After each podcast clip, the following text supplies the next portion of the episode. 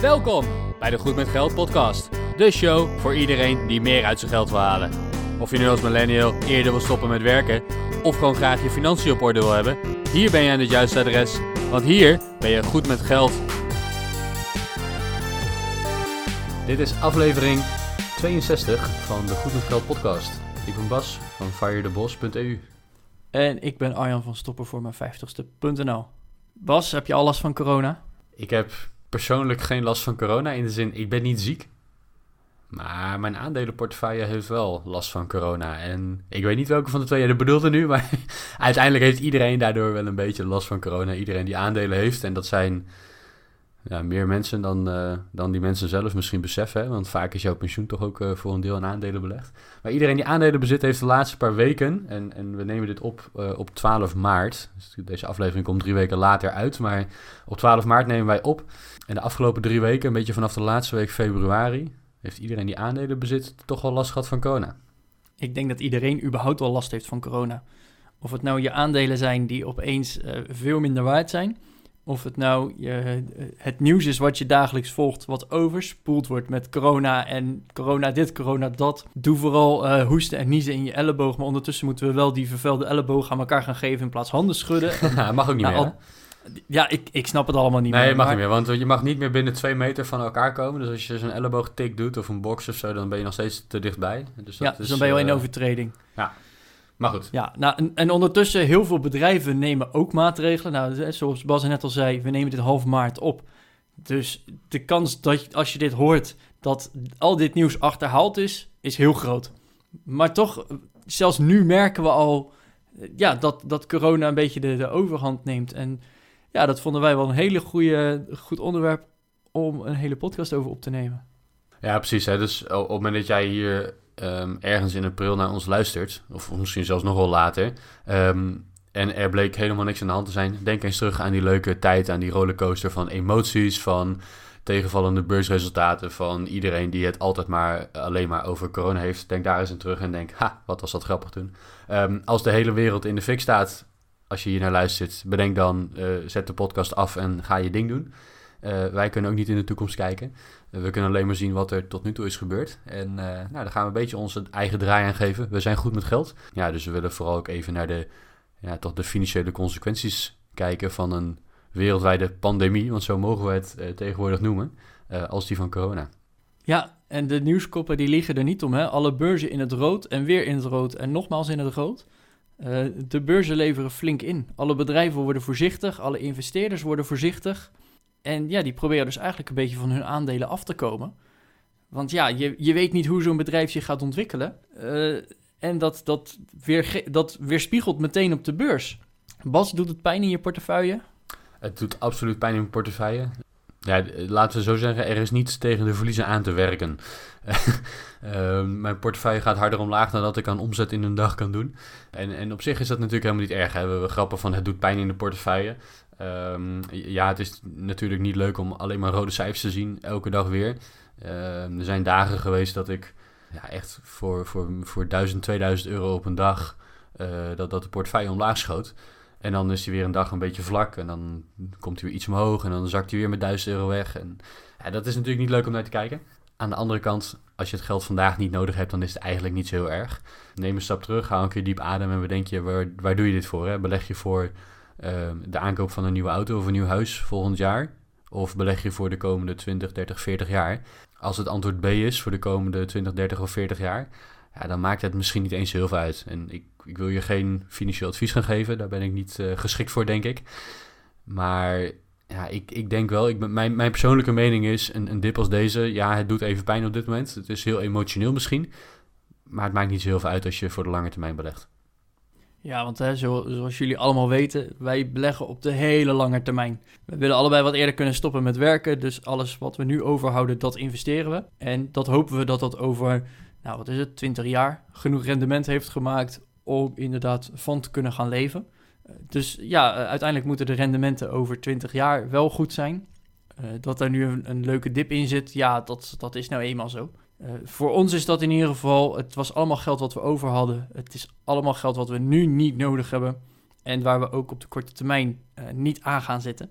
Dus ja, voor, voor ons, ja, ja, we voelen het. En ja, het is even kut, al die rode cijfers en noem maar op. Maar ja, het hoort erbij. Heb je extra aandelen gekocht, Bas? Ehm, ja, ik heb stiekem wel een paar extra aandelen gekocht. Ehm, kijk, zoals we... Uh, was het vorige week? We hebben het vorige week over gehad volgens mij. Ik ben ondernemer geworden en, en dat betekent dat mijn nou, inkomen wat fluctueert. Ik heb de laatste tijd wat, uh, wat extra gewerkt. En normaal gesproken betaal ik mezelf gewoon één keer per maand een, uh, een salaris uit.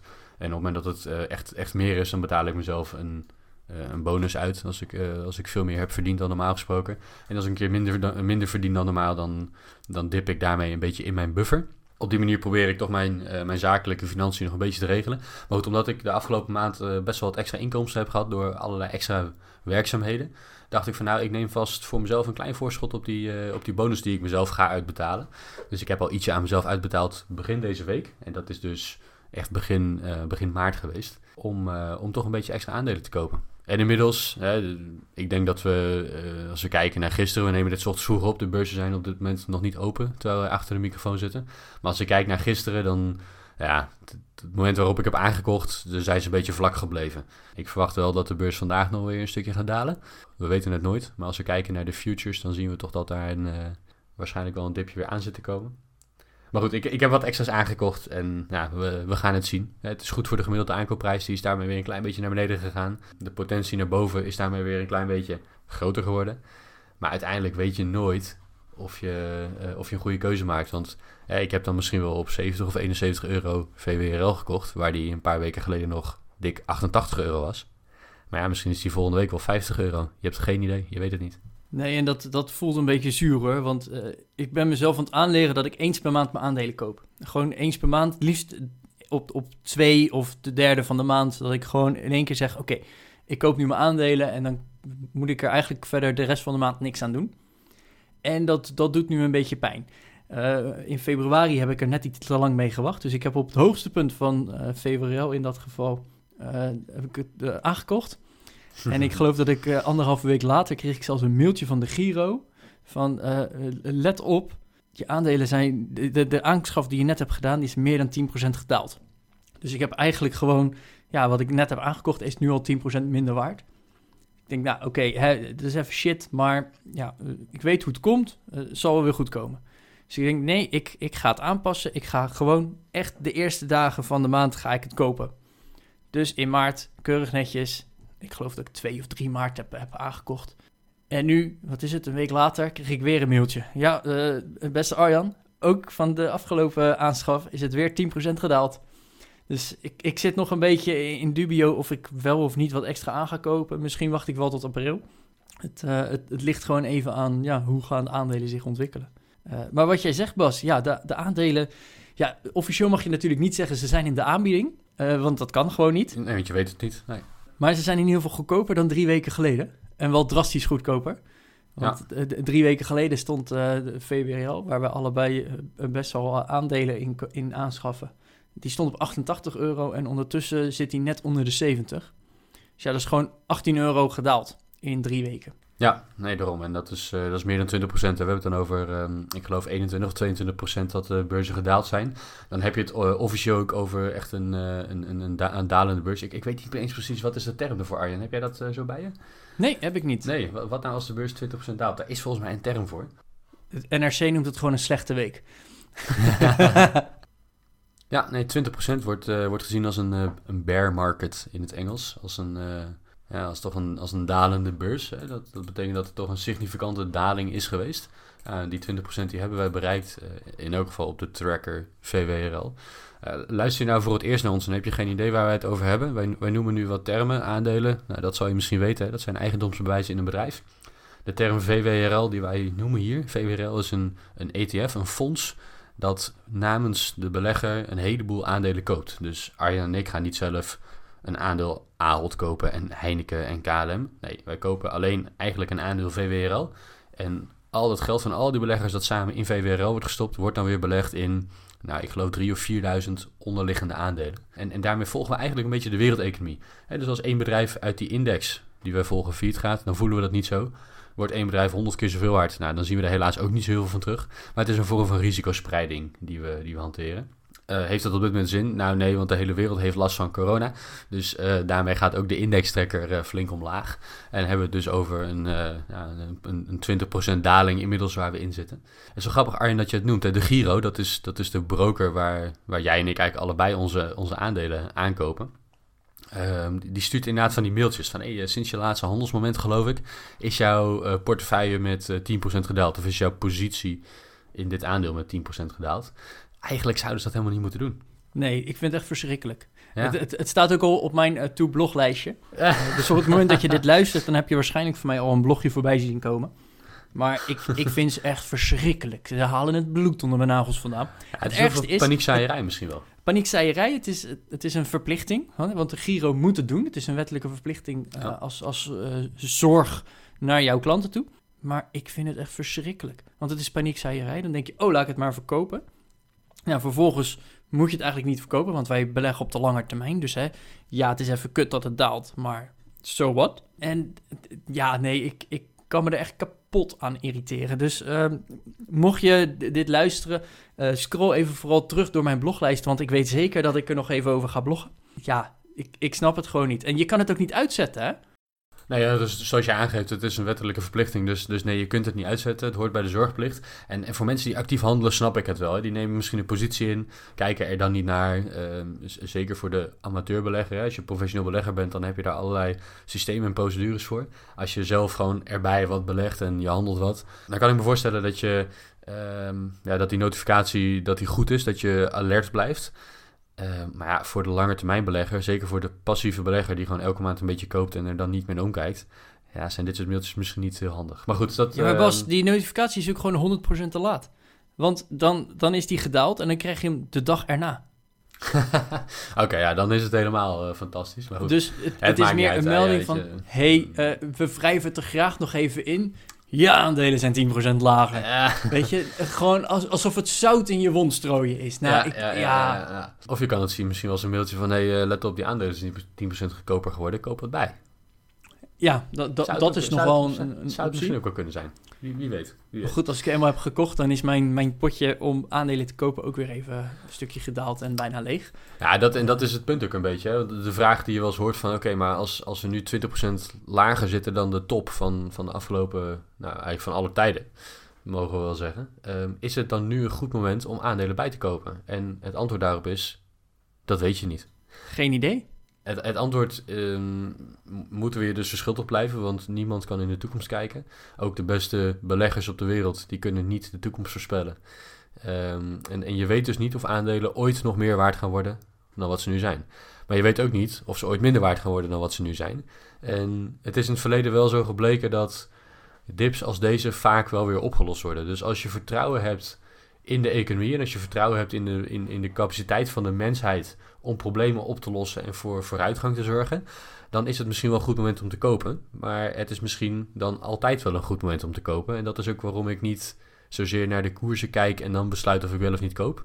Maar dat ik eigenlijk gewoon periodiek koop, ongeacht wat de prijs is. Dus is nu een goed moment om te kopen? Nou, als je nu heel veel cash nodig hebt voor bijvoorbeeld de aankoop van een huis of een auto, ja, dan is dat misschien niet zo'n goed moment nu om te kopen. Maar dan is beleggen sowieso niet zo slim, denk ik. Is mijn mening. Maar als je voor de lange termijn belegt en je wil gewoon wat vermogen opbouwen voor meerdere decennia vanaf nu. Dan, dan is nu zeker een goed moment om te kopen. Maar dat was het een maand geleden ook. En dat is het over een maand ook weer. Gewoon omdat ik van mening ben dat je altijd elke maand een beetje moet bijkopen. En dan profiteer je van de lage koersen. Doordat je dan wat meer aandelen kan kopen. En op het moment dat de koersen dan hoog zijn. Dan koop je wat minder aandelen. Als je periodiek voor een vast bedrag zou kopen. Dus ja, ik, ik denk zeker als passief lange termijn belegger laat je niet zoveel uh, verleiden door de koersen, denk ik. En misschien kan je wat extra kopen als je wat extra geld hebt liggen. Of, of je kan wat herallokeren vanuit een andere belegging of vanuit een spaarpot die wat te groot is geworden. Uh, dan zou je misschien wat bij kunnen kopen. Maar goed, nogmaals, dat is een gok die je neemt. Want ja, als ze nu op 70 euro staan.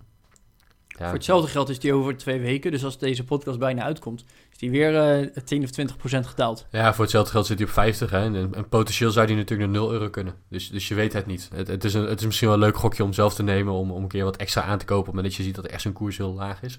Aan de andere kant dat je aangeeft van ja, mijn geld zit al volledig in de beurs. Ik heb geen extra geld. Want al mijn extra geld elke maand gaat in mijn beleggingen. Dus, dus ja, dan, dan is er niks extra's en dan moet je gewoon eigenlijk je maandelijkse aankoopmoment weer afwachten. Dus is, is nu een goed moment om te kopen? Geen idee. Is nu een goed moment om te verkopen?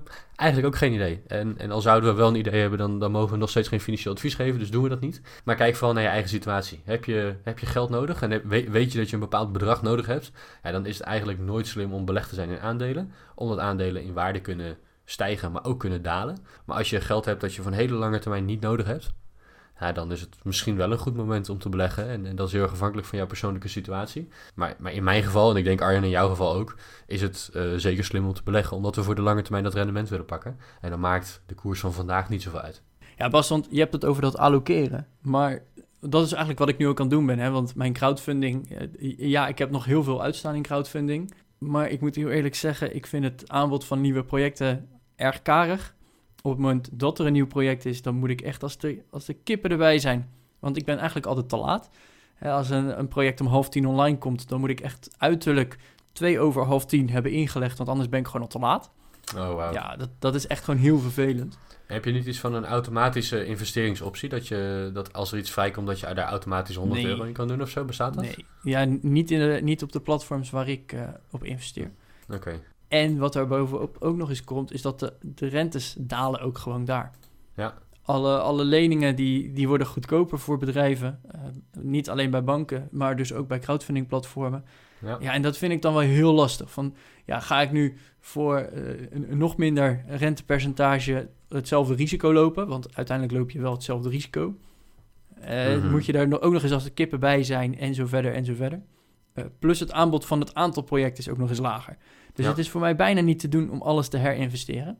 Nee, en omdat er zoveel kapitaal in de markt zit dat op zoek is naar rendement, is het ook heel moeilijk om daar nu bij te zijn. Hè? Want jij bent niet de enige die deze leningen wil kopen. Nee, iedereen wil dat doen. Ja. Dus, je, dus je concurreert met heel veel ander kapitaal dat op zoek is naar rendement. Dus ja, degene die die leningen aanbiedt, hè, dus een, een organisatie die geld wil lenen, komt ermee weg met minder rente te bieden. Gewoon omdat er toch wel genoeg mensen zijn die zijn geld willen lenen, ook al is de rente wat lager. Ja, dat maakt het denk ik wel heel moeilijk. Ja, maar ook, ook als je ziet hè, van sommige leningen die, die gaan dan echt over een miljoen of meer. En die zijn dan binnen anderhalf uur vol. Oh, wauw, ja. Dat, dat is echt een, een, de, de kleine leningen voor de echte MKB'er. Dus dan gaat het over ja, ergens tussen de 10 en, en 50.000 euro. Mhm. Nou, geef het vijf minuten. Dan, dan zijn ze eigenlijk alweer vol. En ja, dat, dat zijn gewoon tijden. Dat is gewoon niet normaal hoe snel dat gaat. Maar goed, ik moet wel zeggen, mijn crowdfunding ik merk nog helemaal niks van het coronavirus. Want de leningen betalen nog steeds. En dat is misschien ook wel meteen het voordeel, dat het leningen zijn. Want door die leningen, ja, uh, dat, dat heeft niet direct het invloed. Als een bedrijf nog wat op de spaarrekening heeft staan, dan kan die gewoon zijn aflossing betalen en zijn rente betalen. En dan merk ik als investeerder daar eigenlijk niks van. Ja, de, de bewegelijkheid van leningen en van aandelen die zijn wat verschillend. Hè? Daarom, daarom is er een beetje een gangbaar financieel advies als je gaat beleggen dat je niet 100% in aandelen belegt, maar ook voor een deel in obligaties belegt, wat leningen aan bedrijven en overheden zijn. En, en de reden daarvoor is dat leningen inderdaad een stuk stabieler zijn qua rendement.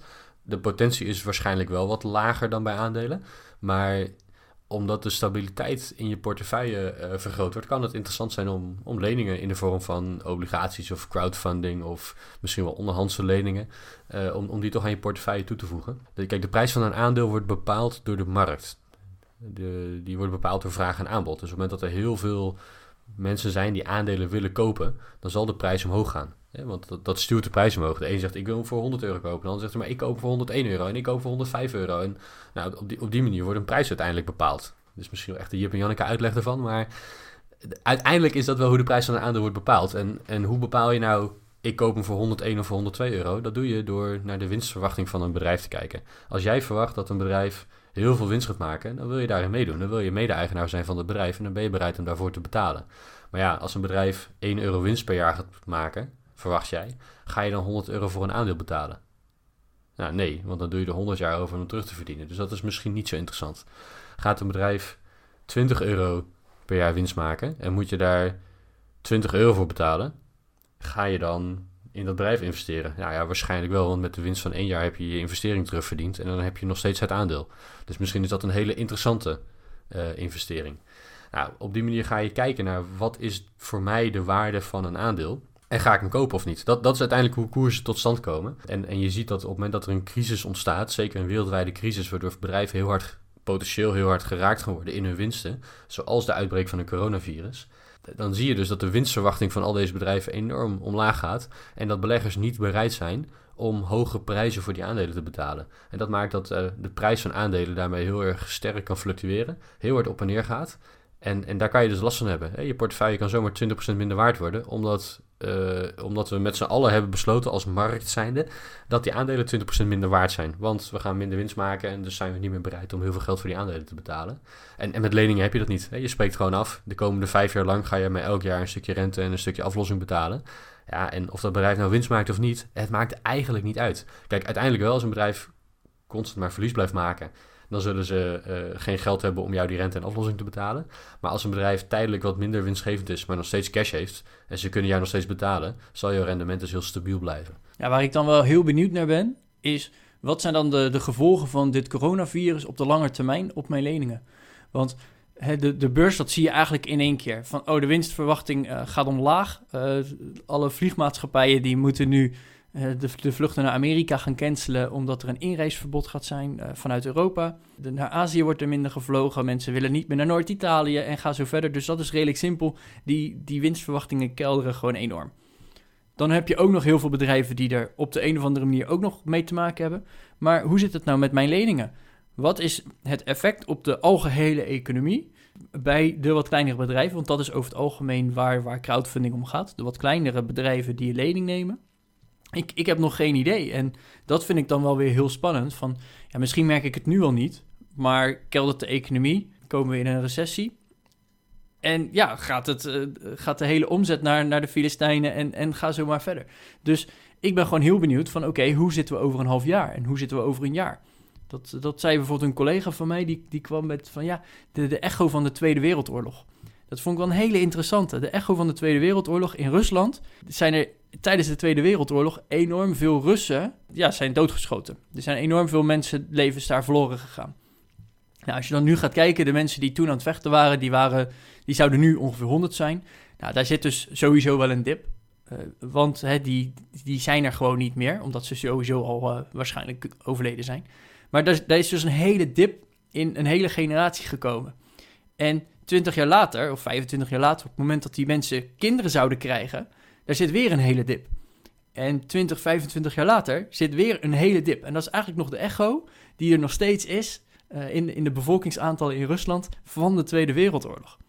En zo'n zo'n echo, dat, dat kan heel lang doorgaan. Maar dat, dat, zo'n echo van deze, deze ja, crisis bijna, of in ieder geval het, de effecten van het coronavirus, daar ben ik dan wel heel benieuwd naar. Van hoe lang zijpelt dat nog door, door de economie? Ja, en dat, dat kan potentieel lang zijn, maar voor hetzelfde geldt als het weer straks weer mooier wordt. De besmettingsgraad minder wordt als we de zomer ingaan, omdat het warmer wordt en omdat de luchtvochtigheid omhoog gaat.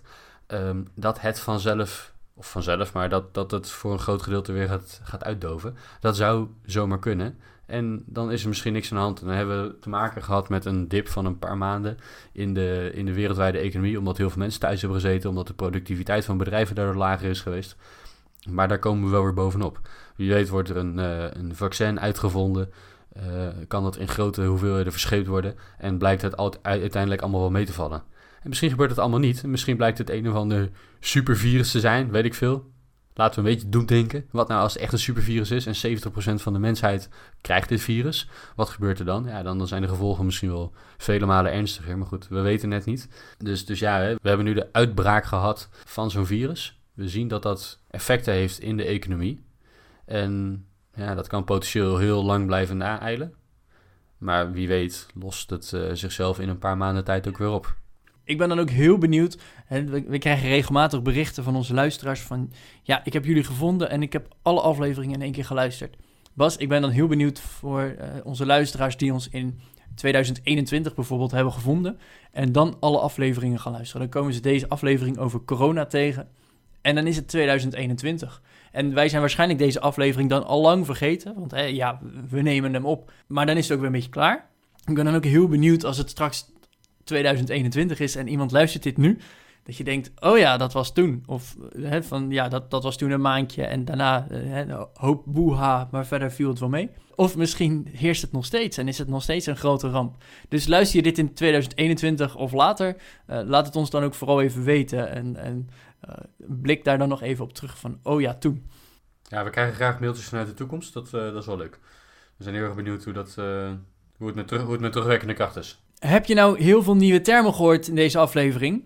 Uh, dat snappen wij, want hè, ondertussen zijn we in aflevering 62. Wij zullen in de show notes heel veel van onze afleveringen even opnemen en even noemen waar je alle verdere termen kan terugvinden. We hebben heel veel afleveringen al opgenomen over crowdfunding, over investeren in aandelen en in trackers, over hoe de beurs werkt en uh, waarom wij op de lange termijn investeren. Dus uh, kijk ook vooral even in onze show notes voor meer informatie over die verschillende onderwerpen. Die vind je vandaag op www.goedmetgeldpodcast.nl slash 062. Vond je deze aflevering nou net zo interessant als al onze vorige afleveringen? En dat kan natuurlijk uh, super interessant zijn of totaal niet boeiend. Uh, als je hem totaal niet boeiend vindt, sluit dan je podcast-app af en schrijf je uit van onze nieuwsbrieven en zo. Want dan, dan heeft het geen zin om te blijven luisteren. Maar vond je het wel interessant? Laat even een rating en een review achter op Apple Podcast. Want we zitten inmiddels uh, richting de 100 reviews. Ja, en we zouden heel graag die 100 willen aanraken. Dus vond je ons tof, geef ons 5 sterren. En het zou nog beter zijn als je daar ook even een kort berichtje bij zet van uh, wat zijn deze gasten goed of, of juist niet, of denk hier en hier aan. Um, maar, maar het helpt ons enorm om, om meer mensen te bereiken en om Nederland echt goed met geld te maken. Als je die rating achterlaat, want dan, dan zorgt Apple Podcast of Spotify of wie dan ook ervoor dat wij wat hoger in die zoekresultaten terechtkomen.